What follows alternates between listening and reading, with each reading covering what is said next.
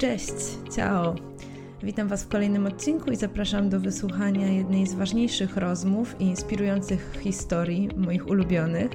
Historii Wojtka, którego poznałam w Walencji. Deskorolka i pasja jako metafora życia i najważniejszych wartości. Brzmi patetycznie, bardzo, ale ta rozmowa wykracza daleko poza tematykę jeżdżenia na desce. Jest o szukaniu swojego miejsca w świecie, o wzlotach i upadkach, o próbach pomieszkiwania w wielu krajach, o rezygnacji z prestiżu bycia wykładowcą na uniwersytecie, o czasowym poczuciu cofnięcia się w karierze, aby w końcu odbić się i założyć wymarzony biznes w słonecznej Hiszpanii. Ciężka praca, przypadek czy szczęście? Ten cały wstęp i ta historia brzmi jak e, coacherska historia rodem z Instagrama ale poznałam tych historii już zbyt dużo, żeby myśleć, że one się nie zdarzają i że są tylko w internecie. I nie chodzi o to, aby je kopiować, ale żeby poczuć siłę, energię tych osób i przekuć ją w coś, co jest tylko nasze. Wojtka początki z deskorolką nie były łatwe, ale dziś jest instruktorem, który wyszkolił tysiące osób, założył szkołę Start Skate w Walencji, gdzie w wielu językach uczy jeździć dzieci, ekspatów, i każdego, kto tylko zechce spróbować tej aktywności. O wartościach, którymi się kieruje zarówno on, jak i szkoła, posłuchacie w tej rozmowie. Mam nadzieję, że będzie ona dla Was równie inspirująca jak dla mnie. Zapraszam. Nie przywitałam się jeszcze, więc cześć. Witam Cię w moim podcaście. Fajnie, że tak zacząłeś, ale chciałam Ci na początku jeszcze powiedzieć, że kiedy wymyśliłam sobie projekt podcastu, ty byłeś pierwszą osobą, która mi przyszła na myśl, byłeś drugi na mojej liście gości. Wiesz dlaczego? Nie. Bo jesteś z Bytomia. Nie, żartuję. Lubię Śląsk. Nie, dlatego że e, od razu jak Cię usłyszałam, nawet kiedyś przez telefon, jak Kacper z Tobą rozmawiał, to sobie pomyślałam, ale to jest zajawowy gość, ale on ma pasję. I wiesz co, e, ty jesteś dla mnie taką osobą, którą ja zawsze w życiu podziwiałam, która ma jedną pasję, znaczy masz oczywiście ich wiele, różnych innych pobocznych też, ale masz jedną taką główną pasję, która jest z tobą przez tak wiele lat i zawsze dla mnie takie osoby, zawsze miałam kompleksy na tym punkcie, że ja nie mam takiej, wiesz, jednej zajawy, którą robię przez całe życie i myślę, że wiele osób tak miało, teraz się to trochę zmienia i też mówi się o tym, że osoby, które interesują się wieloma rzeczami, to jest okej, okay, ale ty faktycznie jesteś taką osobą, która jest związana z deską od wielu lat. Od ilu dokładnie? Kiedy... A to jest ciekawe, bo mi się zawsze wydawało, że mam słomiany zapał i że coś zaczynam, robię i to porzucam. I dopiero po latach sobie człowiek uświadamia, że minęło ileś czasu, mm -hmm. robi, kiedy coś robimy. E, na deskorolce myślę, że w przyszłym roku będę miał 20 lat. Wow, no to 20 lat z jedną, jakby wprowadziłaś tą zajawkę do swojego też życia zawodowego teraz. Powiedz mi, e, ile, czekaj, ile masz teraz lat, jeśli 30, to nie tajemnica? 32. Czyli zacząłeś jak miałeś? 14. 14. Nie jestem dobry z matematyki, ale tak liczę pi razy drzwi. W marcu w tym roku będzie 19 lat. Tak sobie to mniej więcej policzyłem. A zawodowo od 8 lat w szkole ludzi. Mhm. Chociaż z tym też jest historia, bo zastanawiałem się na tym dzisiaj jeszcze rano, kiedy jakby zacząłem szkolić, czy mhm. pracować jako instruktor deskorolkowy. I robiłem to tak naprawdę od zawsze. Bo kiedy jakby na początku, jak zaczynałem w 2004, to w Polsce nie było jeszcze aż tylu tych skate'ów, nie było tej kultury deskorolkowej. Oczywiście już 20 lat była deskorolka w Polsce, e, ale u mnie w mieście, i to tak na 300 tysięcy mieszkańców, było kilka osób. Plus to, że to były ekipy zamknięte, jakby nie każda z tych ekip chciała, żebyś do nich dołączyła, mm -hmm. oni mieli swoje miejscówki. Nie, nie wszyscy byli przyjaźni. No i... właśnie, jak wtedy wygląda deskorolka w Polsce? To jak mówisz, że nie, nie było za bardzo jej, czy w Polsce, czy akurat w Bytomiu? Znaczy, w Polsce to były ośrodki miejskie. Wiadomo, zawsze była ekipa w Warszawie. E, też przez to, że pierwsze deskorolki, jakie przyszły do Polski, tam chyba w latach 70., no chyba później mm -hmm. 80., były bardzo drogie. Więc jakby nie każdy mógł sobie pozwolić. Z tego co czytałem, słyszałem, pierwsze deskorolki to była równowartość takiej półtora przeciętnej wypłaty. Więc trudno byłoby pójść do mamy i powiedzieć, mamo, oddaj mi półtorej miesiąca swojej pracy na zabawkę, która ma cztery kółka i będzie fajnie. I ja ją złamię i za parę miesięcy przyjdę po drugą. E, I myślę, że dlatego tylko w dużych miastach, dużych ośrodkach miejskich były te pierwsze ekipy tak się trochę utarło. Mm, na Śląsku to były Katowice, Paderewa, tam była bardzo ogromna kultura, dalej jest wokół tego, to jest też takie kultowe miejsce w Polsce i na mapie Europy.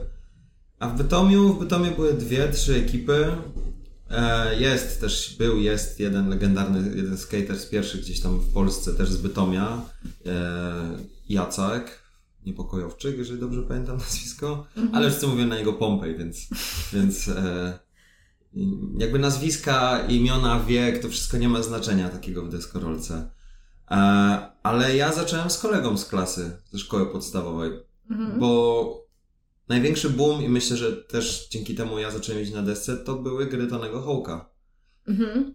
I ja zacząłem jeździć, ja zacząłem grać w tą grę, bo ja, nie, ja byłem antysport. Okej, okay, kopałem piłkę, coś tam, nawet na hulajnodze miałem epizod. Wtedy w sensie takim, że po prostu się jeździło po osiedlu na hulajce. E, kopało się piłkę, grało się w ping-ponga. No to ty też byłeś trochę starszy, 14 lat to nie jest 5, nie? Tak jak twoje dzieci teraz w szkółce zaczynają, czy 4 nawet lat. Bardzo im tego zazdroszczę. Najmłodszą e, uczennicę mamy, Elodie ma, jak zaczynała miała 3,5 roku, jak wow. ze mną stała pierwszy na desce i bardzo im czasami, ja im to też często mówię, kiedy im nie wychodzi -hmm. trik, mówię, że słuchaj, zazdroszczę ci, bo już jesteś o... To nie chodzi o to, że to jest wyścig, -hmm. ale patrząc na rozwój, chcemy się -hmm. nauczyć trików, chcemy się rozwinąć, no to już ktoś zaczyna 10 lat przede mną mhm. uczyć się odpychać. Kiedy ja w wieku 14 lat pierwszy raz upadałem e, i nie było łatwo nauczyć się samemu, bo to, to jest ta różnica. Dlatego w ogóle powstały i powstają teraz e, w Teraz już tak naprawdę w całej Europie, w każdym większym mieście, nawet mniejszym, jest szkoła deskorolki. Mhm. I to jest normalne, to jest jakby normalne W Polsce wtedy nie było czegoś takiego, nie? Jak szkoła deskorolki. Wtedy może nawet w Europie nie było szkół deskorolki. Mhm. wow. No to jak to było, że zainteresowałeś się w ogóle deskorolką? Skąd ci przyszedł? Na sensie mówiłeś o, gry, o grach też, tak? Ale... Właśnie to jest to, że ja chodziłem na korki z angielskiego i miałem tam kolegę, bodajże Szymona i on pokazał mi Tonego Hołka grę. Mhm. I jak zobaczyłem po prostu tych gości, jak tam jeżdżą, robią triki, niszczą przy okazji miasto, ale to też w naszej wyobraźni było takie cool. E, więc były triki, graffiti, muzyka przede wszystkim. Mhm. Do dzisiaj mam pościągane płyty, e, soundtracki z gier mhm. Tonego Hołka, bo to było coś kultowego. Usłyszeć też taką muzę. E, I pamiętam, że ja wtedy byłem bardzo bardzo zamkniętym człowiekiem. Dużo spędzałem czasu w domu, książki, ale miałem też Game Boya, więc kupiłem sobie dyskietkę, grałem w Tonego Hołka przez całą zimę i coś mnie tknęło pod koniec zimy i pamiętam, że ja tego Game Boya, czy te dyskietki posprzedawałem, e, co na tamten etap byłoby, no trudno by było dzisiaj takiego, wziąć takiego dziecko, takiego gamera i mu mhm. powiedzieć dobra, oddaj mi to PlayStation i tu wymienimy się z tobą na, no właśnie, na jakąś deskorolkę, na, na rolki, na cokolwiek, na sport po prostu. Mm -hmm. masz piłkę, daj mi konsolę. No żadne dziecko nie jest głupie, mm -hmm. nie mhm. zrobiłoby tego. A ja wtedy, nie wiem, też myślałem, że to jest zły interes, ale kupiłem deskorolkę pierwszą w sklepie Real, on już upadł, M1 w supermarkecie. Pamiętam. Miała narysowanego wielkiego smoka i myślałem, że to jest to, będę skate'em, będę się uczył jeździć. No i stanąłem na tej desce, pierwsze co wywaliłem się, też nie byłem przyzwyczajony do takich upadków, wstałem, mówię, kurczę, no słabo to wygląda. No i musiałem sobie znaleźć miejsce, gdzie nie było nikogo. Znaleźliśmy mhm. kawałek e, chodnika, gdzie budowano dopiero domki jednorodzinne. No i tam powoli każdego dnia zacząłem przychodzić. Nikt mnie tam nie widział, nie oceniał. Wtedy też dyskorolkowców było mało, mhm. skate'ów, jakkolwiek to nazwiesz. E, byliśmy takim trochę, no, taką anomalią na ulicy. Ci ludzie się na mnie tak patrzyli, odwracali, nie wiedzieli, co my robimy. Do dzisiaj można na wsi mhm. spotkać ludzi, co, yy, bo ty tą deską to co to za cyrkowe sztuczki? Chuligany. Chuligany też, no. To, była, to był czas, że wiesz, myśmy mieli te szerokie trochę ciuchy, byliśmy, te ciuchy się niszczyły, byliśmy trochę, wiadomo, poszarpani, mhm. a wtedy już jakby w Polsce był rozdmuchiwany kult piłkarza, przynajmniej mhm. ja to tak oceniam. E, może dlatego do dzisiaj jakoś tak patrzę sceptycznie na piłkę nożną, bo zawsze to były włosy na żelu, torby sportowe, piłkarze, no i to było jakby ta słuszna droga. Ludzie się zastanawiali, Wojtek, czemu nie masz innej pasji, zainteresowania. No ale szedłem w tą deskorolkę i myślę, że miałem też wsparcie jakieś lekkie rodziny, więc... Ale teraz ty mówisz o wsparciu, a ominąłeś jeden najważniejszy punkt, że Wiem to od Ciebie już wcześniej, ale nasi słuchacze tego nie wiedzą, więc możesz e, powiedzieć, bo wiem, że podszedłeś do kogoś tak na dzielnicy, żeby Cię trochę, jak widziałeś jakiś skate'ów i poprosiłeś ich, żeby Cię trochę nauczyli, prawda? No tak, to jest... Jak to było? To jest to w sumie, co zawsze chyba mnie też zachęca, zachęcało mnie, żeby pomagać takim mhm. początkującym skate'om. Pamiętam, że przy, przyszedłem z kolegami na miejscówkę, przychodnie i tam była inna ekipa skate'ów. Mhm. No i wtedy ją tam po prostu okupowali no i chciałem do nich dołączyć. Wiedziałem, że już robią pierwsze triki. Mówię, wow, to jest to miejsce. Jest koło mojego domu. Kojarzę tych ludzi z twarzy. To jest moje sąsiedztwo. Chcę się nauczyć. No i zacząłem z nimi coś tam e, gadać, zagadywać. Chciałem, żeby mi coś pokazali. E, no i pamiętam, że jeden z nich, z niektórymi nawet mam kontakt po latach. To jest naprawdę ciekawe, ciekawe jak się ludzie też zmieniają, prawda? Ale pamiętam, że jeden z nich wtedy stał no i sprzedał mi lekkiego liścia i powiedział, żebym stąd spieprzał, no nie? Że jakby, że no, że co ty tu robisz, to jest nasza miejscówka, nie będziesz tu jeździł. Więc były wtedy takie śmieszne też trochę mm getto podziały, że to jest nasz spot, tutaj jest nasze, ty tu mm nie mhm. będziesz jeździł. Trochę też było wartościowanie, prawda? Byłem dzieciakiem, który ledwo stał na desce. Myślę, że dzisiaj też gdzieś to tam funkcjonuje, ale już trochę słabiej. A wtedy, no jednak ta osoba, która coś potrafiła, Mm, bo to nie chodziło o ciuchy, o sprzęt, tylko jednak o te triki, nie? Jeżeli dopiero zaczynałaś, to to byłaś po prostu początkująca i... I uczyliście e, się sami. I później po tej akcji po prostu e, zacząłem budować w innym miejscu, niedaleko tego miejsca, swoją, swoje miejsce. Znaleźliśmy ulicę, mhm. drzewka, e, zaczęliśmy tam znosić meble ze śmietników, rurki, budować skatepark. Mhm. Przychodzili nowi ludzie i ja już wtedy miałem coś takiego, pamiętam, bo niektórzy z tego żartowali, że ja ludzi lubiłem pouczać, mówić postaw tą stopę inaczej, możesz trochę przechyl do tyłu, mm -hmm. takie, takie rzeczy, co widziałem, bo sam po sobie już to przerobiłem. Ale nie było wtedy tutoriali na YouTubie, nie? Ty wszystko na sobie chyba no, testowałeś, Testowaliśmy nie? wszystko na ludziach, no nie? Także to, to było testowane na nas. I jeżeli, właśnie to, na tym polegało piękno tamtych czasów, jeżeli spróbowałeś jakiś trik kilka tysięcy razy, albo próbowałeś zrobić podskok przez pół roku stałaś i skakałaś i frustrowałaś się i widziałeś, że ta noga coś się źle przesuwa i próbowałaś postawić w innym miejscu. W każdym miejscu już próbowałem tą nogę postawić, tą stopę, żeby to wyszło, w końcu wyszło. I nagle po tych dwudziestu prawie latach przychodzi do mnie uczeń i mówi, że mu nie wychodzi i jest mhm. sfrustrowany. Ja patrzę na tą stopę i mówię, a przestawiam sobie troszeczkę tam na tą śrubkę. I teraz sobie spróbuj. Będzie lepiej. Jest ok? Jest ok, no to ćwiczymy. I tylko dzięki temu właśnie też tak myślę z perspektywy instruktorów dzisiaj, że, że ci, którzy sami musieli dojść przez te lata naprawdę ogromną ilością prób i błędów, łatwiej jest teraz wy, wy, znaleźć błąd, czy znaleźć jakby, znaleźć ten problem w tym triku, bo to są problemy, bo człowiek mm. przychodzi po pracy, po szkole, chce zrobić trik, nie wychodzi i jesteśmy sfrustrowani. Jeszcze jak się nastolatkiem mm. i i to wszystko po prostu buzuje i mam takie, jestem po prostu żałosny. No właśnie, nie umiem zrobić kickflipa, moje życie nie ma sensu.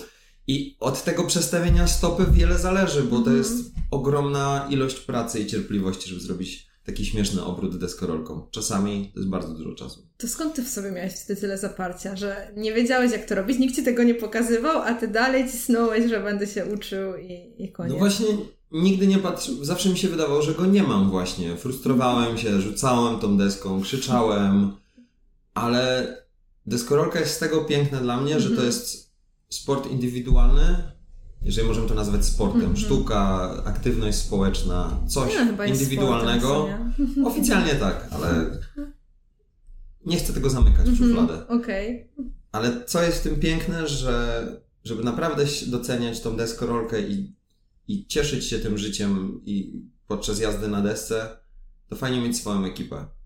Mhm. I w ten sposób jakby te pierwsze grupy kiedyś po prostu poznałem Olka, Przemka, Patryka, z chłopakami zrobiliśmy team, nazywaliśmy się Brodek.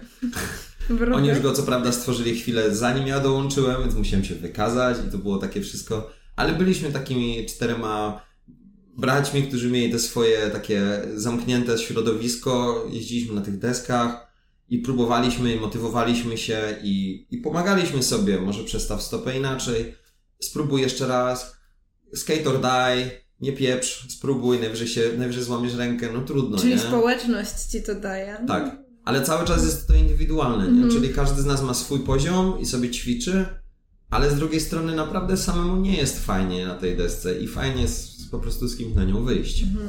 No właśnie społeczności są super i też to zauważyłam jak chodziłam na balet w Polsce, to nawet nie zorientowałam się, to był sport indywidualny, w sensie stoisz sama przy drążku i wykonujesz te ćwiczenia. Mhm. Jest element też rywalizacji, tak jak w desce też, bo w desce może trochę kto zrobi fajniejszy trik, albo kto to teraz jest troszkę lepszy.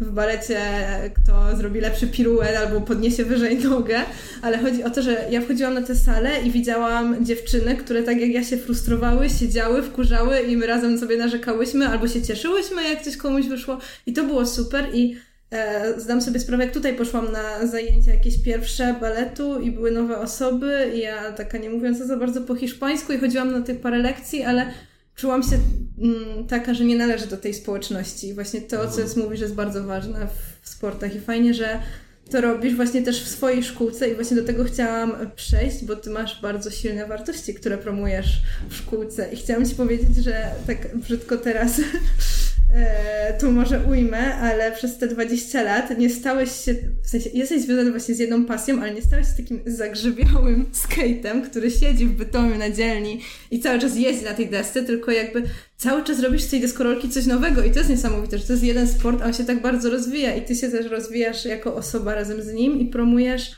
e, te wartości dalej. No właśnie, jakie to są wartości? E, na obronę jeszcze bytomskiej deskorolki znam ludzi, co całe życie jeżdżą, mieszkają w Bytomiu i to jest piękne w desce, Niejasne. że ci ludzie cały czas też się zmieniają i ta deska też się ich rozwija. Tak. Ale miałem Nie coś obrazić. takiego. Nie. myślę, myślę, że myślę, że Coco Jumbo ci wybaczy. Bo tak się nazywa bytomska ekipa.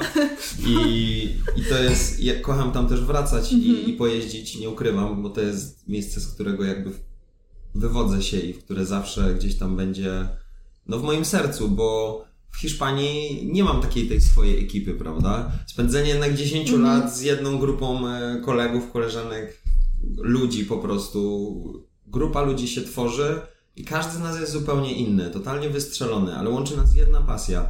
I to jest ten to, to, jest to, to, to spoiwo, to jest mm -hmm. ta mhm. To jest to, czego brakuje czasami w społeczeństwie. Co z tego, że mamy ten sam język, czy tą samą flagę? Mhm. Jak się troszeczkę popodróżuje, czy dzisiaj mhm. ludzie mówią w kilku językach, to to już nie jest takie oczywiste, mhm. że jesteśmy razem, nie wiem, społeczeństwem, czy tym samym. Ale jak się łączysz z ludźmi jedną pasją, to też sama mhm. wiesz, tak jak ludzi łączą zainteresowania, to jest po prostu niesamowite. I mnie to zawsze też pociągało, żeby wyjechać właśnie z miasta. Ja zawsze chciałem mhm. wyjechać na studia, zobaczyć inne miejsce, ale wszędzie brałem ze sobą tą deskorolkę. Czy to był pierwszy Erasmus w Pradze, czy później pojechałem właśnie na praktyki do Walencji. Mhm. I pamiętam, e, na pewno wiele osób też e, brało udział w praktykach, czy zdaje sobie sprawę, że ok, chcę zrobić staż albo w urzędzie miasta, albo praktyki. No to spoko, szukam ofert. No ja przejrzałem wszystkie oferty i myślę sobie, ale to do mnie nie przemawia. Mhm. E, no i poznałem e, Roalda, pewnego, mhm. pewnego Holendra, który zajmował się jakby oferował praktyki studenckie w Walencji. I przedstawiłem mu, że ja jestem instruktorem, lubię uczyć ludzi jeździć na deskorolce. No i tak trafiłem do Walencji.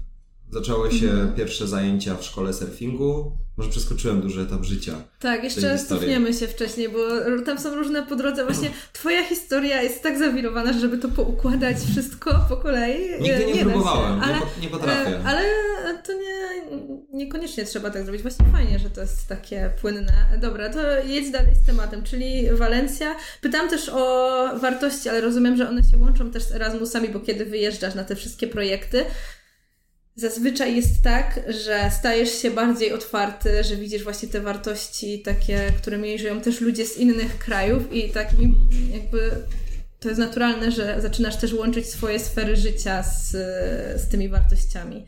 E, czyli deskorolkę w tym przypadku, ale opowiedz, e, co chciałeś powiedzieć. No właśnie, to w takim razie mi się mm. trochę hamsko cofnę jednak Okej, okay, dobra. Bo to Erasmusy właśnie i to te wyjazdy, ta chęć wyjechania ze swojego miasta, z osiedla. Mm. Pojechałem do Cieszyna na studia.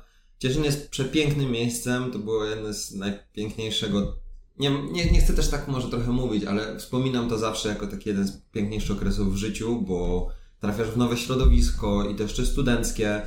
E, masz 15 minut pieszo do, do Czeskiej Republiki, więc mieszkasz na granicy i zaczyna się otwierać to okienko na świat. I wszędzie jest ta deskorolka. Później jest Erasmus, poznaje się mhm. ludzi z różnych środowisk, różnych narodowości, e, e, mają różne pochodzenie etniczne, e, mają różne preferencje seksualne, mówią o tym, mhm. tak? I tutaj nie ma e, żadnego mówienia, czy za przeproszeniem, pieprzenia o ideologii. To są po prostu ludzie i oni mają mhm. swoje zainteresowania, mają swoje potrzeby, mają, mają swoje preferencje i oni sobie żyją i oni cię szanują. Najpiękniejsze jest to, że wszyscy mhm. na Erasmusie zawsze się szanowali. I tam też była ta deskorolka i tam też poznawałem skaterów i też z nimi jeździłem. Mam z nimi kontakt do dzisiaj. E, I później się pojawia kolejny projekt, bo to był proces. Brałem udział w wolontariacie europejskim. E, w tym czasie już zacząłem szkolić w Skateboard School w Katowicach. To była jedna z pierwszych szkółek z prawdziwego zdarzenia, myślę, że w Europie. W Polsce uważam, że na pewno. Mhm. I to bardzo jakby się ze sobą łączyło. Czyli tak naprawdę ta deskorolka, czy pasja, czy cokolwiek byśmy w życiu robili, ewoluuje razem z nami, z naszym rozwojem osobistym. I dlatego w mojej szkółce dzisiaj mamy takie, a nie inne wartości. Mamy przede wszystkim równość. E, mamy przede wszystkim tą przyjaźń, komunikację, e, ekologię, jakkolwiek to teraz nie brzmi pusto trochę, no bo mhm. każdy teraz chce być ekologiczny i każdy może powiedzieć, e, jestem ekologiczny. To nie o to chodzi. Chodzi o wartości bardziej, jakie przekazuje dzieciom. Mhm. Te, też kupuję plastikowe opakowania czasami. Mhm. To, to jeszcze nie jest na takim etapie, ale tej równości, tej, tej wartości, tego właśnie wsparcia tych nawet nie bałbym się tego stwierdzenia tych słabszych, bo ja zawsze chciałem podchodzić do tych słabszych. Ja nie jestem instruktorem dla tych dzieci, które są cool, które skaczą ze schodów i wszyscy ich znają i, i naprawdę są super. Mnie nigdy do takich ludzi nie ciągnęło. Mnie zawsze ciągnęło do tego chłopca, dziewczynki, która stoi z boku skateparku, trzyma deskę w ręku i boi się spróbować i czuje tą presję społeczną. Wszyscy się na nich patrzą, albo im się tak wydaje i nie potrafią nic zrobić, więc nie potrafią się pokazać w tym, w tym, w tym miejscu. I ja dla takich ludzi stworzyłem też Start Skate'a. Mhm. Ja próbuję pokazać, że to jest przede wszystkim e, tu proprio camino, czyli to jest twoja własna ścieżka. Mówimy to każdemu dziecku. Jesteśmy grupą przyjaciół, jesteśmy community, ale to jest twoja ścieżka, to jest twoja deska, e, tu są różne triki, tu są różne rampy, to ci się podoba, tam to ci się nie podoba. Okej, okay, spróbujmy czegoś innego to jest twoje, nie będziemy tego jakby, nie będziemy tego porównywać do tego drugiego człowieka, który obok ćwiczy, ma, jest w innym wieku, innej płci, ma inne preferencje, inny kolor skóry, inną historię, wszystko w nim jest inne, łączy was ta deskorolka. Mhm. Więc to jest bardzo ważne, żeby wspierać ten rozwój osobisty, czy w ogóle ten indywidualizm, który teraz też króluje na świecie, mhm. tak? Każdy chce być indywidualistą teoretycznie. Mhm. E, chociaż to nie jest takie proste. Bo tu nie e. chodzi o ubrania czy o zainteresowanie, tylko takie wewnętrzne bycie indywidualistą. Ta równość, którą promujesz, jest super, bo właśnie sam mówisz, że w Polsce na początku to były takie zamknięte, były zamknięte hermetyczne grupki, my cię tu nie wpuścimy, a ty chcesz wpuścić każdego, prawda? I e, też czego nie, o czym nie mogłabym nie wspomnieć, to to, że próbujesz e, rozpowszechniać deskorolkę wśród dziewczyn dziewczyna na deskorolce w Polsce? Nie wiem, były takie przypadki w tych czasach, jak ty zaczynałeś jeździć? Były. Były. Były, Były i, okay. i to też jest to też jest ta, nie jest tak, że, że wiesz, że y, coś nie, nic się nie zmieniło przez te lata, bo, mhm. bo dziewczyny naprawdę wyciągnęły deskorolkę na inny poziom i w Polsce i stworzyły e, niesamowite ekipy, niesamowite filmy przez te lata działalności. Jakby E, na stronie Trashera pierwszy film z Polski, jaki się pojawił, to była ekipa dziewczyn z Polski. I, mhm. i to było coś takiego, czego żaden chłopak, czy ten mężczyzna skate, ten male skate nigdy nie osiągnął, no nie? Jakby w, tym, w, tym, w, tym, w tej subkulturze. Ale, Ale nadal jest dużo jeszcze do zrobienia, nie? Jest... dalej jest dużo do zrobienia. Myśmy tak wystartowali właśnie ze Start Skate'em, wystartować mhm. Start Skate'a. Tak. Że pierwsze nasze zawody, kiedy zaczęliśmy, chcieliśmy się pokazać w Walencji, jakby ja i moja wspólniczka Wiki, kiedy zakładaliśmy Start Skate'a, zastanawialiśmy się, e, no okej, okay, są różne szkoły deski w Walencji. Co takiego nasza szkółka tak naprawdę chce przekazać i, i, i, i zrobić coś inaczej, trochę inaczej niż ci wszyscy, niż te szkółki czy te klasyczne ekipy deskorolkowe. No i zaczęliśmy od zorganizowania Dnia Kobiet. I to było niesamowite, bo przyjechały dziewczyny i dziewczynki. Tam, były, mm. tam byli ludzie, którzy mieli po 4-5 lat, przyjechali o 7-8 rano z Barcelony na jakimś skuterze, jakimś samochodem, pociągami do Słeki pod Walencją i cały dzień spędzili razem jeżdżąc, również biorąc udział w zawodach, ale przede wszystkim to pokazało, jaka jest siła i potrzeba, żeby też e, dawać tym ludziom przestrzeń. Nie chciałem robić kolejnych klasycznych zawodów, gdzie wygrywa najsilniejszy, najlepszy, najlepszy trik. Mm-hmm. Jestem trochę zmęczony taką deskorolką. Mm-hmm. Nie oglądam codziennie filmów amerykańskich, wiesz, gdzie ludzie robią cuda z kosmosu, których ja nigdy nie zrobię. Bo ja staram się wracać do tej takiej esencji, do tego, mm-hmm. Do tego momentu, jak się nauczyłem odpychać jako, jako mały dzieciak i jechałem po ulicy i czułem się wolny i szczęśliwy, a obok jechał na przykład mój kumpel i wtedy myślałem, oj, to jest to. Dobrze się czuję tutaj, no nie? I nie uważam, że płeć, czy jakiekolwiek, tak jak rozmawialiśmy, czy preferencje, czy, czy kultura, czy, czy kolor skóry, czy język mają jakiekolwiek znaczenie. Mhm. Bo deskorolka to jest po prostu zabawka. To jest drewno, ma cztery kółka. Każdy może na tym jeździć. I każdy może na tym jeździć. Ale wspominam o tym, bo właśnie jest taka jedna dziewczyna na TikToku, która jeździ na desce super wow, naprawdę robi triki. Nie znam się na tej terminologii deskorolkowej, więc nie będę tutaj mówić takie rzeczy, żebyś mnie nie wyśmiał. W każdym razie e, ona ubiera się tak, e, jak to powiedzieć, stereotypowo kobieco. W krótkie spódniczki maluje się i ona jest tak hejtowana przez społeczeństwo tiktokowe, męskie też, że w deskorolce nie jeździ się w spódniczce, tylko w szerokich spodniach, zdejmij to. I ona pokazuje, ona hmm. cały czas te komentarze właśnie e, robi screeny i robi z tego kolejne filmiki i pokazuje, że patrzcie, jestem dziewczyną, jeżdżę na desce, staram się, y, robię wszystko tak jak wy i jestem nadal dyskryminowana z tego powodu tylko, że jestem dziewczyną. Właśnie dlatego uważam, że to jest takie ważne, co ty robisz i że widzę te twoje dziewczynki na tych zajęciach i one kompletnie nie myślą sobie o tym, że o, jestem dziewczynką, jestem gorsza. One nie mają takiego konceptu, bo dziewczynki nie mają takiego konceptu, mhm. że są inne niż chłopcy, ich koledzy, którzy robią to samo. One też robią to samo. No tak, bo i to też y, jakby bardzo fajnie pokazuje, jak prowadzi się zajęcia. Ma, masz grupę dzieci i część z nich są dziewczynki, część chłopcy. To jest grupa dzieci, które czekają po kolei, próbują z tobą trik, czy za ręce, czy słuchają e, akurat danego ćwiczenia i je wykonują. To jest osoba w kasku, tam nawet nie do końca widać, kto to jest. Mhm. Przecież z tyłu, jak zobaczysz, to jest po prostu osoba jadąca mhm. na desce i kask. I nagle ta osoba się odwraca i okazuje się, że na przykład jest to dziewczynka. Albo inaczej, już lepiej, bo dziewczynki teraz jest też mm-hmm. deskorolka dosyć modna, jesteśmy na tej, mm-hmm. jesteśmy po olimpiadzie i gdzieś tam ta deskorolka się już zakorzeniła w tej kulturze masowej. Ale pojawia się już e, po prostu kobieta na tej desce i zaczynają się właśnie te stereotypy, mm-hmm. o których mówisz. Czy zaczyna się ocenianie, czy chodzi o strój, czy w ogóle jakby patrzenie w taki seksistowski sposób na, na, to, na tą osobę, w jakiś taki sposób, no wiadomo, e, który odbiega od tego, o czym przed chwilą mówiłem, że mhm. dla mnie to jest po prostu osoba, która jedzie na tej desce i, jest w tym kasku, w tych ochraniaczach, czy, czy, czy bez ochraniaczy. Jakie to ma znaczenie w ogóle? E, kim jest? W sensie nie, ma to znaczenie, kim jest ten człowiek, ale w tym, w tym takim sensie mhm. psychologicznym czy emocjonalnym, ale takim fizycznym. E, no i tak się staram traktować też e, te dzieci, czy tych, tych no moich właśnie. uczniów. A powiedz mi, a czy każdy może zacząć jeździć na desce, nie, nieważne w jakim wieku? Dorośli też mogą przyjść na e, zajęcia? Uważam, że każdy, bo to jest tak, jeżeli ktoś jest w stanie chodzić, no to już możemy spróbować jeździć na deskorolce. I też nie chcę... E, Chociaż mógłbym wykorzystać okazję, skoro jest to podcast, powiedzieć, że tak, każdy powinien sprawdzić jazdę na desce.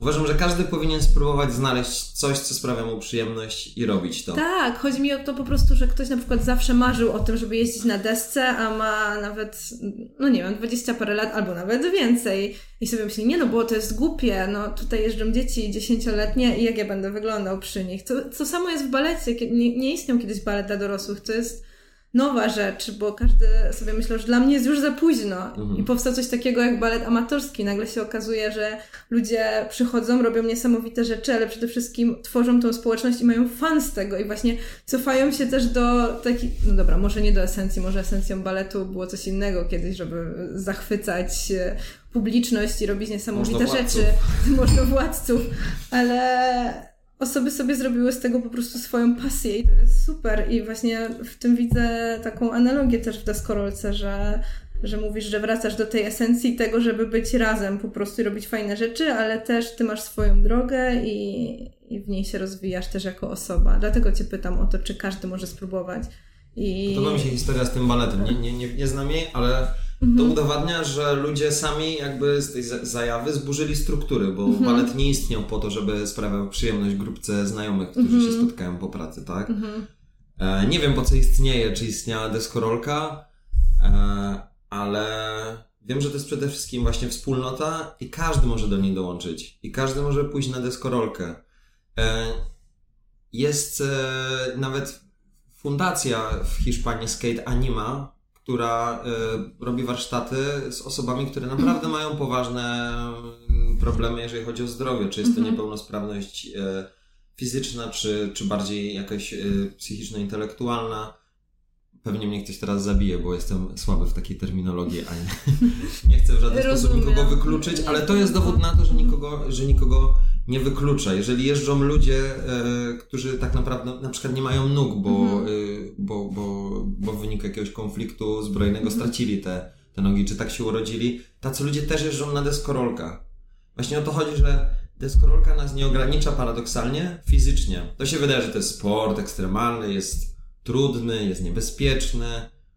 Nie powiedziałbym. To, jest też, to też są stereotypy. Ja jeżdżę te 19 lat nie uważam, żebym miał naprawdę poważny wypadek przez te lata. Miałem jakieś skręcenia, wiadomo, poważniejsze jakieś stłuczenia, no ale nie wylądowałem na ostrym dyżurze i jakoś się udało, tak? E, nigdy też nie miałem predyspozycji jako sportowiec. Wiesz, bo... każdy sport jest w jakiś sposób kontuzjogenny i o każdy można tak powiedzieć, więc tak, ale... się w tym niczym nie różni też, nie? Że, że jest jakaś super wyjątkowo niebezpieczna. No ale tak, też no. jest niebezpieczne. Wszystko jest niebezpieczne. Myślę, że wychodzenie z domu może być niebezpieczne, no ale bardziej niebezpieczne jest siedzenie w tym domu. No dokładnie. Na desce może jeździć każdy. E, są ludzie, którzy, tak jak mówiliśmy, mamy 3,5-4 latki, które z nami jeżdżą. E, spotkałem ostatnio 60-paroletniego skate'a w Walencji. Jest coraz więcej starszych skate'ów, no bo jest to normalne, że ta subkultura się starzeje. Jeżeli ja będę w stanie mm -hmm. chodzić w wieku 80 lat, to będę jeździł też wtedy. Mm -hmm. Znam też, jest dosyć znany na Instagramie z Japonii, pojawiają się filmiki e, pana, który w wieku 70 paru lat zaczął je, się uczyć No właśnie, na o, o takie osoby mi chodzi. Czy, czy są takie osoby starsze, które zaczynają też? Tak, i miałem też parę razy okazję uczyć osobę E, z pół roku temu miałem okazję uczyć Włoszkę, która miała 63 lata. Oh wow. Tu w Walencji i co ciekawe, to było na parkingu i, i, i ta kobieta była boso w ogóle i miała rozwiane po prostu włosy i jechała na tej desce i po prostu to było takie inspirujące. Mm-hmm. E, ja też nie byłem nigdy jakiś usportowiony. Miałem okres na studiach, że ważyłem chyba ze 110-115 kilo i faktycznie już nie czułem się dobrze ze swoimi nawykami żywieniowymi, czy tym jak się prowadzę, e, że nie dbam o siebie, ale na tej desce dalej jeździłem i dalej mi to sprawiało przyjemność, więc paradoksalnie to nie ma wszystko aż takiego znaczenia. Myślę, że to, nie chcę mówić, że to są wymówki, ale zawsze, zawsze znajdziemy jakiś powód, który nas zatrzyma, powstrzyma, żeby, żeby czegoś spróbować. I, I to musimy sami już się z tym zmierzyć i po prostu iść i zrobić to. No. Wiem, że to brzmi prosto, ale ja też z takiego właśnie trybu siedzącego sprzedałem tą grę i poszedłem na deskę. Nie uważam, że to była odwaga, mhm. czy że jestem jakimś bohaterem, ale coś mnie tknęło i po prostu to zrobiłem. Dla mojego życia, jako dla, dla mnie samego, dzisiaj wiem, że to był ogromny sukces, że to mhm. zrobiłem i zmieniłem się wtedy Ale Fajnie. nie, nie jest to bardzo trudne. Fajnym jest też przykładem nasza koleżanka Karma. Jest Hiszpanką, więc nie zrozumie, ale pozdrawiamy. Ona jest prawniczką, ma 30 lat i też dopiero niedawno zaczęła jeździć na desce i ona po prostu po wyjściu, nie wiem, z sądu, z rozprawy, prosto w tych ciuchach biegnie na skatepark. I ją nie obchodzi to, czy ktoś ją ocenia, czy ktoś na nią patrzy. Ona ma zajawę, jest wkręcona w to i ma też taką swoją rzecz, bo właśnie to znalezienie swojej takiej pasji pozwala ci mieć swoją taką przestrzeń, że nieważne co się wali, też pewnie zauważyłeś to w swoim życiu, że miałeś jakieś e, okresy, gdzie było strasznie i miałeś trudne sytuacje, ale zawsze miałeś tę deskorolkę i zawsze miałeś do czego uciec. Ja tak mam też z tańcem i właśnie to jest ważne, żeby mieć taką swoją rzecz jedną, Tak.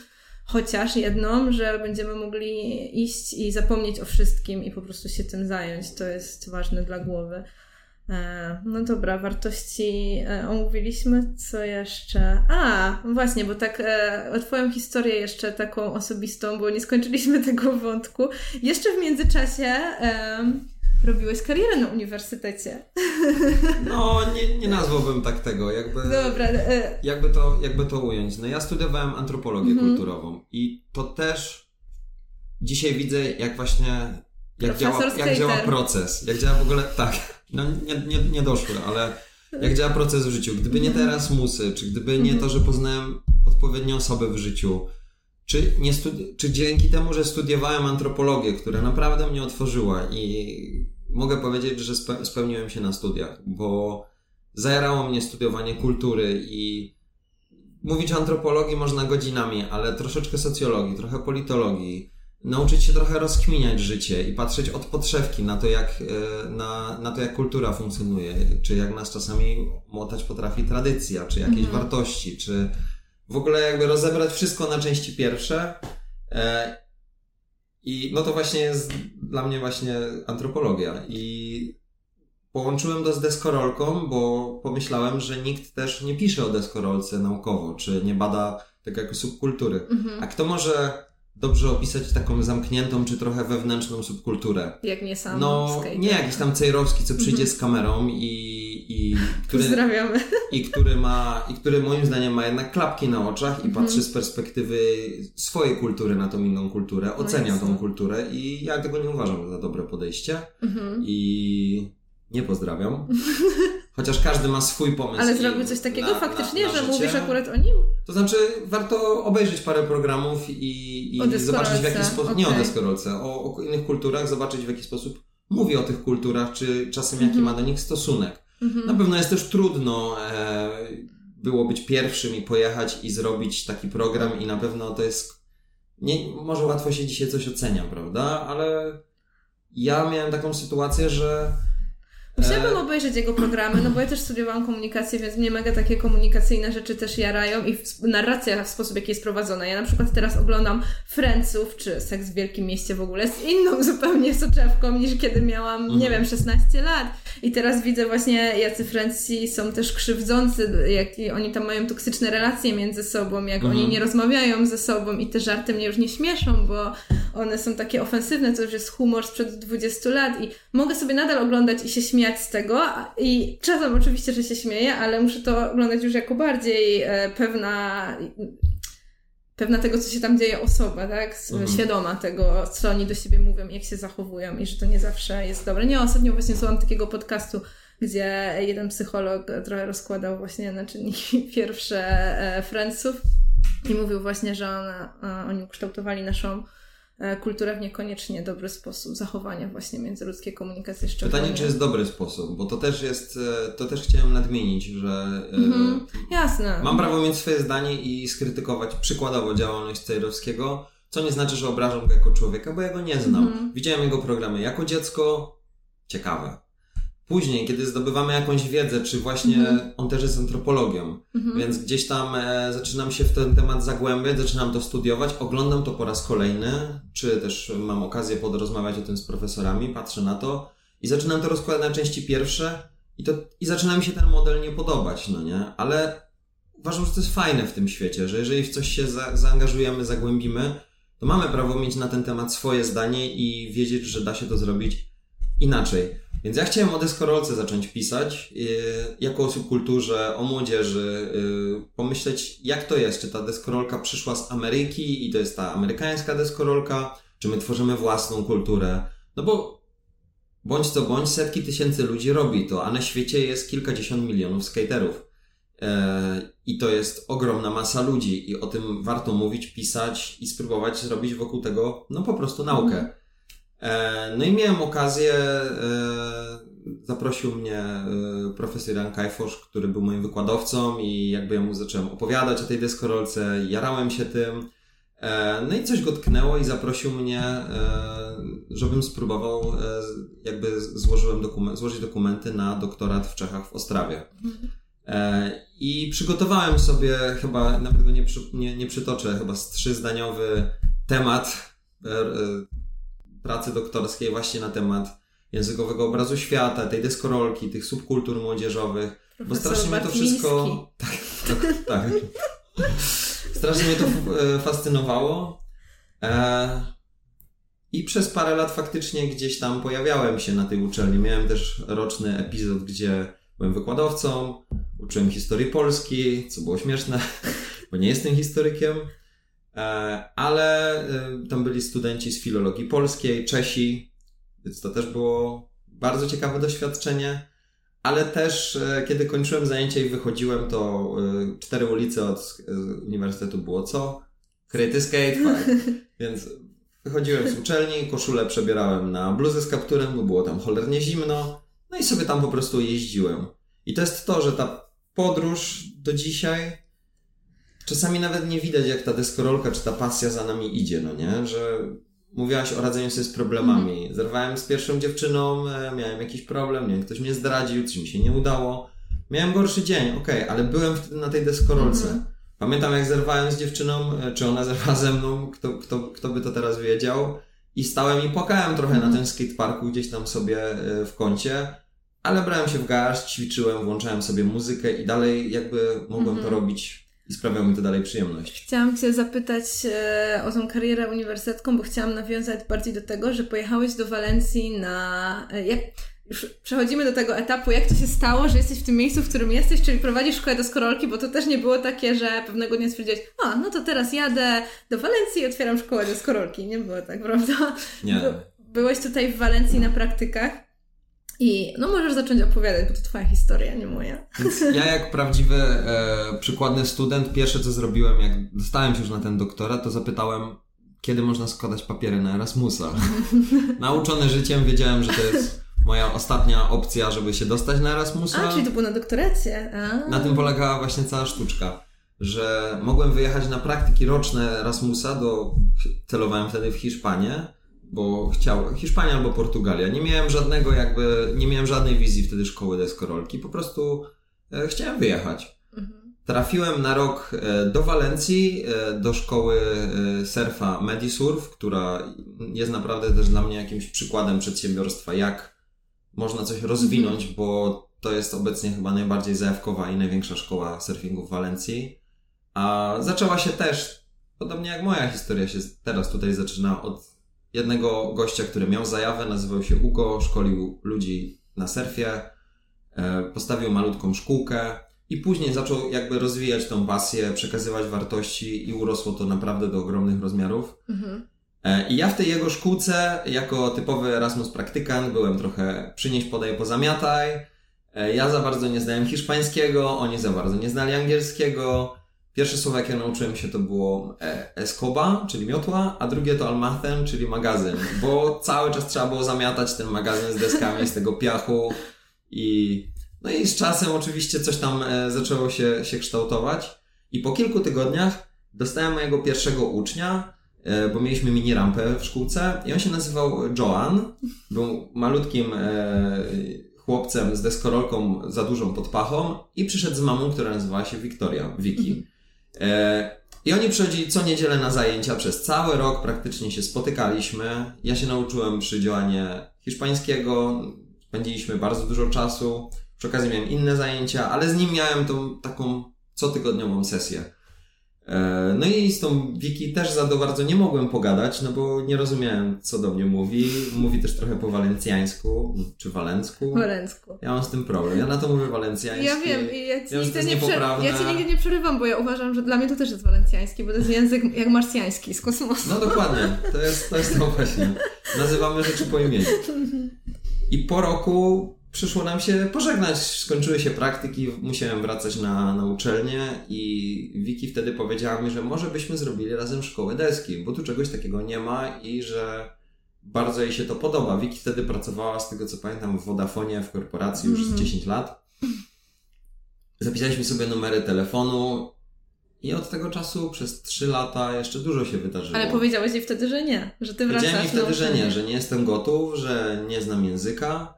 E, ale jak wracałem do domu, a jechałem całą, e, całą tą drogę swoją ukochaną starą Skodą Felicją, więc jak jechałem przez Europę i naprawdę jest to, to kawał odległości, jak się nie ma klimatyzacji i jedzie się 100 na godzinę, tak zacząłem to rozkminiać, że to jest miłe, że obcy człowiek zaproponował mi, żebyśmy zrobili projekt, że widział w tym jakiś sens. Mhm.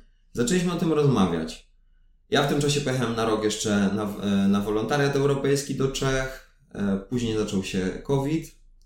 Podczas COVID-a to miał być czas, kiedy mieliśmy wystartować. Ale nam się nie udało, przyszedł wiadomo lockdown. Pojechałem do Holandii na jeszcze jedne praktyki na pół roku. I A tam... czyli rozmawialiście już o tym, o tym biznesie? Czyli to nie jest tak, że ty to całkiem odrzuciłeś. Okej, to ja znam to, inną to, było, wersję to, historii. było, to było coś takiego bardziej jak przypominajka i to dzisiaj wiem, jakie to jest ważne. E, to samo traktuję jakby w relacjach z ludźmi. Mam wielu ludzi, za którymi tęsknię i chciałbym z nimi pogadać, ale nie mam głowy, czasu i w życiu codziennym tutaj, po prostu będąc daleko od Polski czy, czy, czy od miejsca, w, których, w którym się spotykaliśmy, zapominam o nich. Ważne jest raz na jakiś czas, choćby ten raz nawet w roku zadzwonić i powiedzieć, hej, jestem tutaj i pamiętam o was i że jesteście dla mnie wa- ważnymi osobami. I tak było z Wiki, że raz w roku mniej więcej żeśmy się gdzieś spisywali czy dzwoniali. Ola Ketal, no gdzie on jeździ, ale brakuje mu zajęć z tobą. Kiedy przyjedziesz? Ja mówię, no nie przyjadę, no jestem w Czechach, kurczę, jestem na uczelni, ale fajnie by było, no, fajnie by było. I tak się to toczyło. E, W Holandii robiłem e, też program europejski Młody Przedsiębiorca i tam przygotowałem całą szkółkę. Myślałem wtedy o Holandii, bo bo taką miałem wtedy, nie wiem, miałem wtedy taką Wizję. wizję, że może się uda. E, Nie udało się, ale przygotowałem całą strukturę wartości, czy stronę internetową, dużo tekstów. Przy, przygotowałem sobie Ale strukturę. to było tak, że Wiki cię jakby natchnęła już wtedy, że w ogóle, żeby założyć coś takiego jak deskorolka, e, szkoła deskorolki, czy ty już wcześniej myślałeś o tym, żeby założyć? E, No ja już wtedy pracowałem w Skateboard School w Katowicach i już Okej. pracowałem na obozach Bootcamp, więc jakby miałem już świadomość, tam. że istnieją takie miejsca, obozy, firmy, że są chętni, że jest Mhm. ogromna społeczność, która za tym stoi i niesamowici ludzie. Mhm. E, I wiedziałem, że da się, tylko nie wiedziałem gdzie. Nie chciałem tego robić w swoim rodzinnym mieście. W Bytomiu byłby problem z krytym skateparkiem. To jest... Y, głównym problemem polskiej deskorolki jest zima, czy, czy deszcz. W Walencji mamy deszcz chyba z 20 dni w roku, więc nie jest to wielkim problemem. Fajnie jak pada, czasami jest dzień wolny. To jest przyjemne, jak czasami spadnie deszcz. E, I w Holandii kończy, był, pamiętam, że jeszcze była godzina policyjna, e, były wszystkie obostrzenia. Ale zacząłem znowu szykować sobie pomysł tej szkółki, bo, bo już czułem, że to jest to, że uczelnia mnie nie spełnia, Mhm. że bycie wykładowcą mnie wcale tak bardzo nie jara, jak to fajnie brzmi. E, tym bardziej, że robiłem to tak na pół gwizdka, prawda? Miałem mało Mhm. wykładów i cały czas byłem gdzieś indziej, Mhm. więc też się w pełni, Mhm. bez bicia się przyznaję, że się nie zaangażowałem w A to. miałeś renomę, nie? Że jesteś na uniwersytecie, tak społecznie w sensie. Trochę Mama tak. się pewnie cieszyła. Trochę, na pewno, na pewno. I to też jest, e, to też jest ciekawa historia, bo pamiętam jak się dostałem i, i poszedłem parę razy na imprezę i spotykałem znajomych ze studiów e, i mogę się przyznać, że ciągnąłem na tej renomie, może nawet Mhm. kilka miesięcy, a później mi, przyszedł mi kryzys życiowy, Mhm. bo po prostu obudziłem się jednego dnia i zrozumiałem, że to nie stanowi o mojej Mhm. wartości, że ja miałem zawsze gdzie indziej wartości i że zawsze nie tylko deskorolka, ale na pewno nie patrzyłem na coś takiego jak tytuł. Ale też żyjemy w tych strukturach społecznych i był, był ten etap, że okej, zachłysnąłem się tym, wow, jestem, jestem doktorantem, ale fajny jestem. No nie, nie, nie jestem fajny. Fajnie, że się udało, to była fajna przygoda, fajnie tam było być przez te lata, jestem mega za ten czas wdzięczny. E, I tyle. I aż tyle. To jest tak zwane good enough. Mhm. I pamiętam, że mm, na koniec już naprawdę, y, no po prostu zlałem trochę temat tej uczelni. Nie dokończyłem mojego, mojego doktoratu. Dalej gdzieś kilkadziesiąt stron leży, leży zakurzone na, na jakimś Google Drive'ie. E, I w zeszłe wakacje, nie, dwa lata temu w wakacje znowu skontaktowała się ze mną Wiki. Czy ty znowu to raz w roku mm -hmm. spotkanie starego znajomego? -hmm. Mówi, zróbmy to. Ja mówię, że no nie mogę, no nie dam rady, nie, nie wyobrażam sobie tego. I po tych wakacjach przyszedł straszny kryzys. Nie wiedziałem, co mam -hmm. robić. Skończyły się projekty, e, nie było już stypendium doktorskiego. Mhm. Mm, z doktoratu tak naprawdę zrezygnowałem, więc dostałem w końcu list, że papa, że dziękujemy za mhm. współpracę, ale no nie udało się. Mhm. E, miałem fajną ofertę pracy w Warszawie, gdzie nie chciałem też się tam za bardzo przeprowadzać, ale była związana to praca z deskorolką. Ostatecznie e, negocjacje nie, nie doszły do skutku i mhm. nie dogadaliśmy się i nagle zostałem z niczym. I pojechałem wtedy do Holandii. Mhm. Jakby czułem, że naprawdę jadąc tam czułem e, ja osobiście, że robię mały krok wstecz. E, pojechałem do Holandii, e, umówiłem się też z paroma osobami, parę fantastycznych osób mi pomogło z zakwaterowaniem, z znalezieniem mhm. pracy. E, no i zaczęła się praca w fabryce pieczarek w Holandii. Także z tych wszystkich projektów europejskich, wielkich marzeń, mhm. e, poczucia bycia fajnym, bo się jest na doktoracie, potem poczucia sfrustrowanym, bo się jest na doktoracie, E, skończy się zawsze tak, jak kończy się kapitalizm trochę. E, no mam 200 zł w portfelu i, i coś muszę zrobić, tak? Mm-hmm. I jest ta presja, zaczyna się znowu presja. Mm-hmm. Kurczę, muszę coś zrobić. Więc wsiadłem w auto znowu w jedną Skodę i pojechałem do tej Holandii. E, no i zacząłem się odnajdywać powoli w tej fabryce. Spotkałem tam fantastycznych ludzi, głównie z Polski. E, I mimo, że nie była to praca moich marzeń, to znowu ta nowa rzeczywistość się budowała. Mhm. Poznałem, mhm. poznałem fajnych ludzi w Eindhoven, e, czy na desce, czy prywatnie. Zacząłem spędzać ten czas tak jak normalnie. Ja się lubię adoptować. Nowe miejsce, mhm. okej. Okay. Nowi znajomi, okej, okay, fajnie. Może fajnie było z kimś pójść na randkę, okej. Okay. E, deskorolka tu, okej. Czas wolny będę spędzał tak i tak. Zaplanować to mhm. sobie. No i pamiętam, że miałem jeden z gorszych dni w pracy i dosłownie uderzyłem się w metalową rurą w łeb. Szedłem na przerwę, byłem taki wkurzony, mówię, boli mnie głowa, jestem cały brudny, nic nie wychodzi, będę dzisiaj więcej godzin tu siedział. To nie jest to. I jakby odnajduję się w tym, ale to nie jest to, znowu to nie jest to, muszę znaleźć znowu to swoje miejsce. Cholera jasna, po raz kolejny. I coś mnie tknęło, pamiętam znowu wtedy coś tam z Wiki pisaliśmy Zadzwoniłem do niej, napisałem do niej, mówię, Wiki, robimy to. Całe życie chciałem to zrobić, tylko się bałem. Mhm. Musiałem się doprowadzić do takiego momentu, bo to jest problem. Konformizm nas zabija. Nie mogłem się z doktoratu, z wygodnego, mhm. ciepłego miejsca czy ze stypendium, nie da się rzucić wszystkiego i, i wyjechać czasami z kraju. Ale jak już byłem w tej Holandii, nie miałem nic do stracenia, a cały mój dobytek miałem tak naprawdę w bagażniku samochodu i, i na tylnych siedzeniach, miałem takie, że Zostawiłem w Polsce rodzinę i przyjaciół, ale marzenia, cele, moje przedmioty, y, moja garderoba, cokolwiek, wszystko jest ze mną. I deskorolkę też tam miałem. Więc umówiłem się z Wiki, przepracowałem pół roku w tej fabryce, a za pieniądze, które zaoszczędziłem, y, postawiłem firmę Startskate i, i przyjechałem tutaj no prawie rok temu, dopiero, tylko. A brzmi jakby to było 10 lat temu. To jest, to jest mm -hmm. straszne. Tyle było najbardziej intensywny chyba rok mojego życia. I mega go doceniam. Wow. Ten monolog mnie trochę... No właśnie... Się... Nie to, wiem, czy tak podcast jest... powinien być monologiem, nie? nie, ale tak ciekawie się ciebie słucha, ta historia jest tak niesamowita, że właśnie rzuciłeś tak wszystko i po prostu przyjechałeś postawiłeś szkółkę od zera praktycznie, jakby z Wiki, oczywiście z jej pomocą, ale no to ty dałeś tej szkółce wartości, to ty dałeś deskorolkę tej szkółce, czyli jej esencję.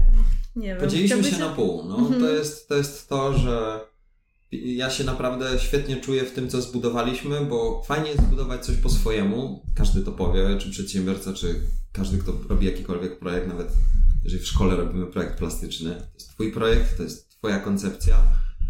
I fajnie było się z kimś po prostu umówić, słuchaj, dzielimy się wszystkim po pół, dzielimy się pracą po pół. Ja robię deskorolkę i wszystko, wszystkie te lata i te wartości i moje doświadczenie próbuję w to wtłoczyć, a Wiki zajmuje się tą administracją, bo ona też ma sw mhm. swoją za tym niesamowitą historię, bo mhm. ona w końcu rzuciła pracę w korporacji, mhm. mając dwójkę dzieci i mając ten dom na utrzymaniu, znaczy fantastycznego męża, ale podjęła taką decyzję, że nie jest szczęśliwa, że nie chce tego robić. I to rzuciła i zaangażowała się z wielkiej, poważnej korpo do stworzenia małej szkoły deskorolki. To jest niesamowite właśnie, że wy jesteście tymi osobami, że pierwszy raz mam na żywo kontakt z kimś takim, kto jest bardzo też teraz e, w social mediach powiedzmy taki styl życia, e, nie chcę powiedzieć może promowany, ale że dużo osób tęskni za czymś takim właśnie, że ty, wy jesteście e, takim żywym dowodem na to, rzucić wszystko i nie wiem, zrobić ze swojej pasji biznes. I to jest właśnie niesamowite spotkać kogoś takiego na żywo i zobaczyć, że to nie jest tylko na Instagramie, że są tacy ludzie, ty patrz na ciebie, na chłopaka, który robił tak jak ja, wszystkie projekty, był w miejscach, kiedy nie wie co dalej i w ogóle masakra i co ja teraz zrobię ze swoim życiem i kończy w ogóle w fabryce pieczarek, a potem wychodzi z tej fabryki i robi swoją szkółkę i teraz obserwuję to, jak wy pracujecie codziennie i zastanawiam się, wow, to można tak pracować. Masz swoich praktykantów teraz, z którymi jesteście też najlepszymi kumplami i wy, ja wiem, że to jest, ja nie odbieram tego, bo to jest ogromna praca, ciężka, prowadzenie swojego biznesu, ale też widzę, ile wy sobie robicie z tego radości po prostu i takiego codziennego, e, że życie wasze po prostu tak wygląda, że ta praca i i życie są takie trochę czasami zatarte. Nie wiem, czy to dobrze, czy źle, ale faktycznie wyglądacie na ludzi z pasją. Próbowałem się nad tym zastanowić, ale myślę, że to będzie zawsze zatarte i, i tego już się mm -hmm. po mhm. prostu nie da zmienić. No tak, bo ty jesteś tą deskorolką, jakby Wojtek kończycie pracę, idziecie nadal na deskę, bo to jest też ta twoja strefa właśnie, to, to, coś, co jest tylko twoje. No właśnie, jak ty to postrzegasz teraz? Jak kończysz pracę i idziesz na deskę, to ty nadal w tym odnajdujesz radość cały czas?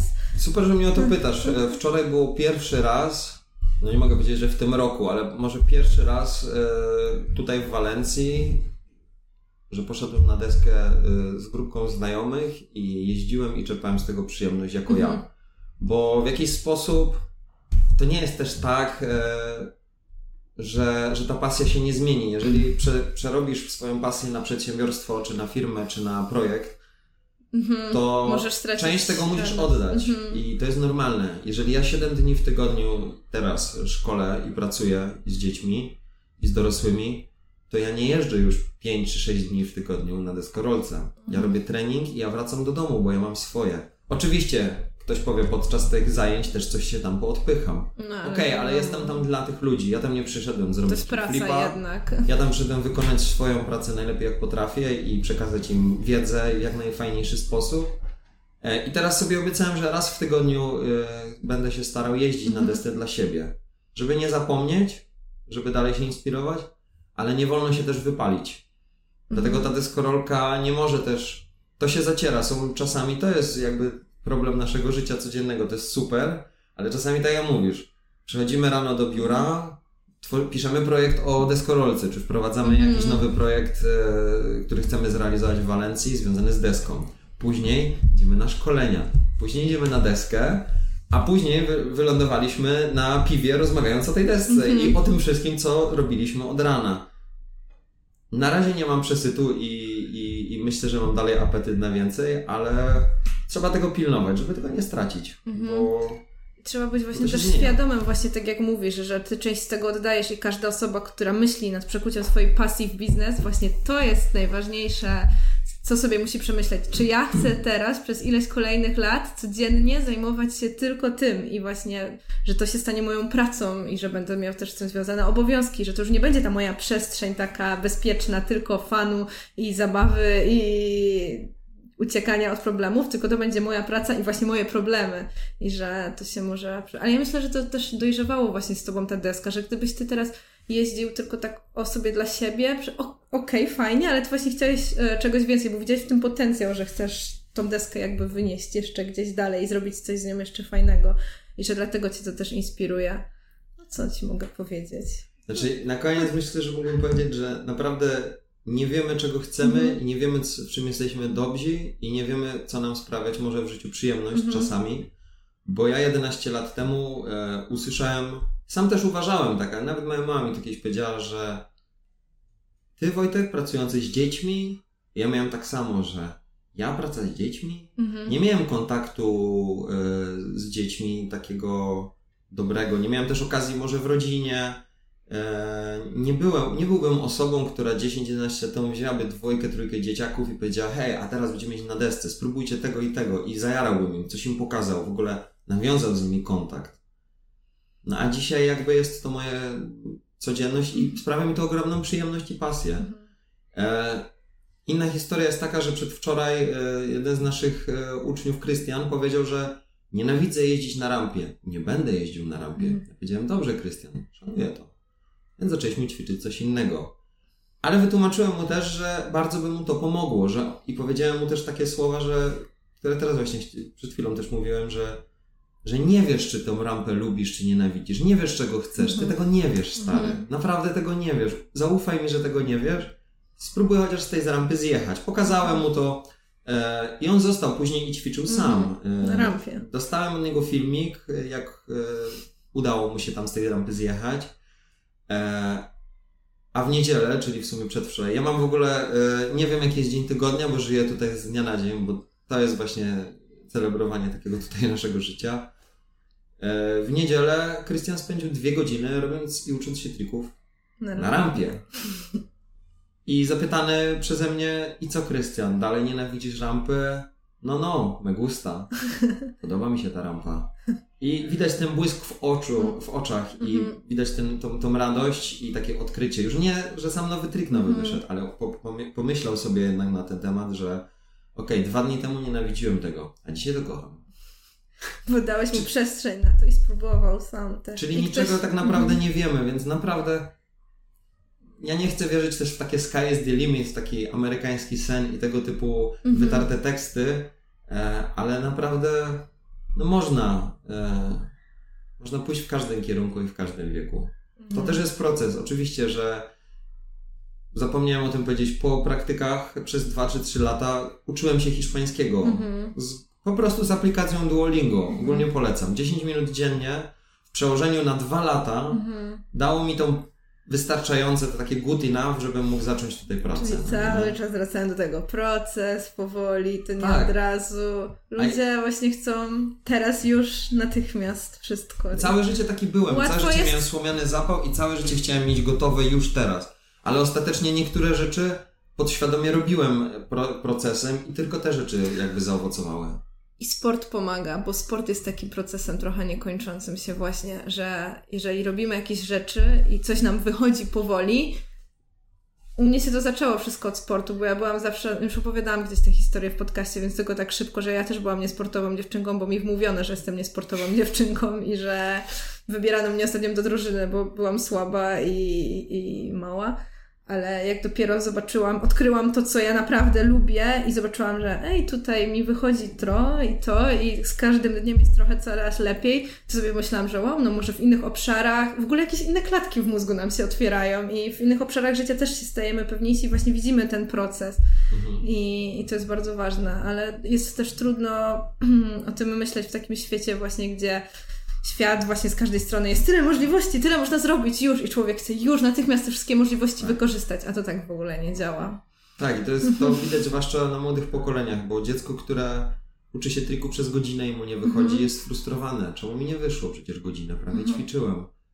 No, i mi zajął ten trik na przykład dwa lata. Mhm.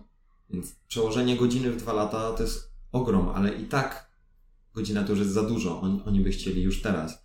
Dlatego dla mnie jest na przykład ważniejsze i bardziej satysfakcjonujące, jak obserwuję rozwój osobisty tych ludzi, zwłaszcza tych młodszych, że widzę, że chłopak czy dziewczyna, która była najbardziej nieśmiała w grupie, uśmiecha się albo zaczyna się wypowiadać w grupie, zaczyna próbować nowych schematów, jakby przełamuje schematy, próbuje nowych rzeczy, czyli to jest ta osoba, która się pierwsza zaczyna śmiać, osoba, która się wcześniej nie uśmiechała. Mhm.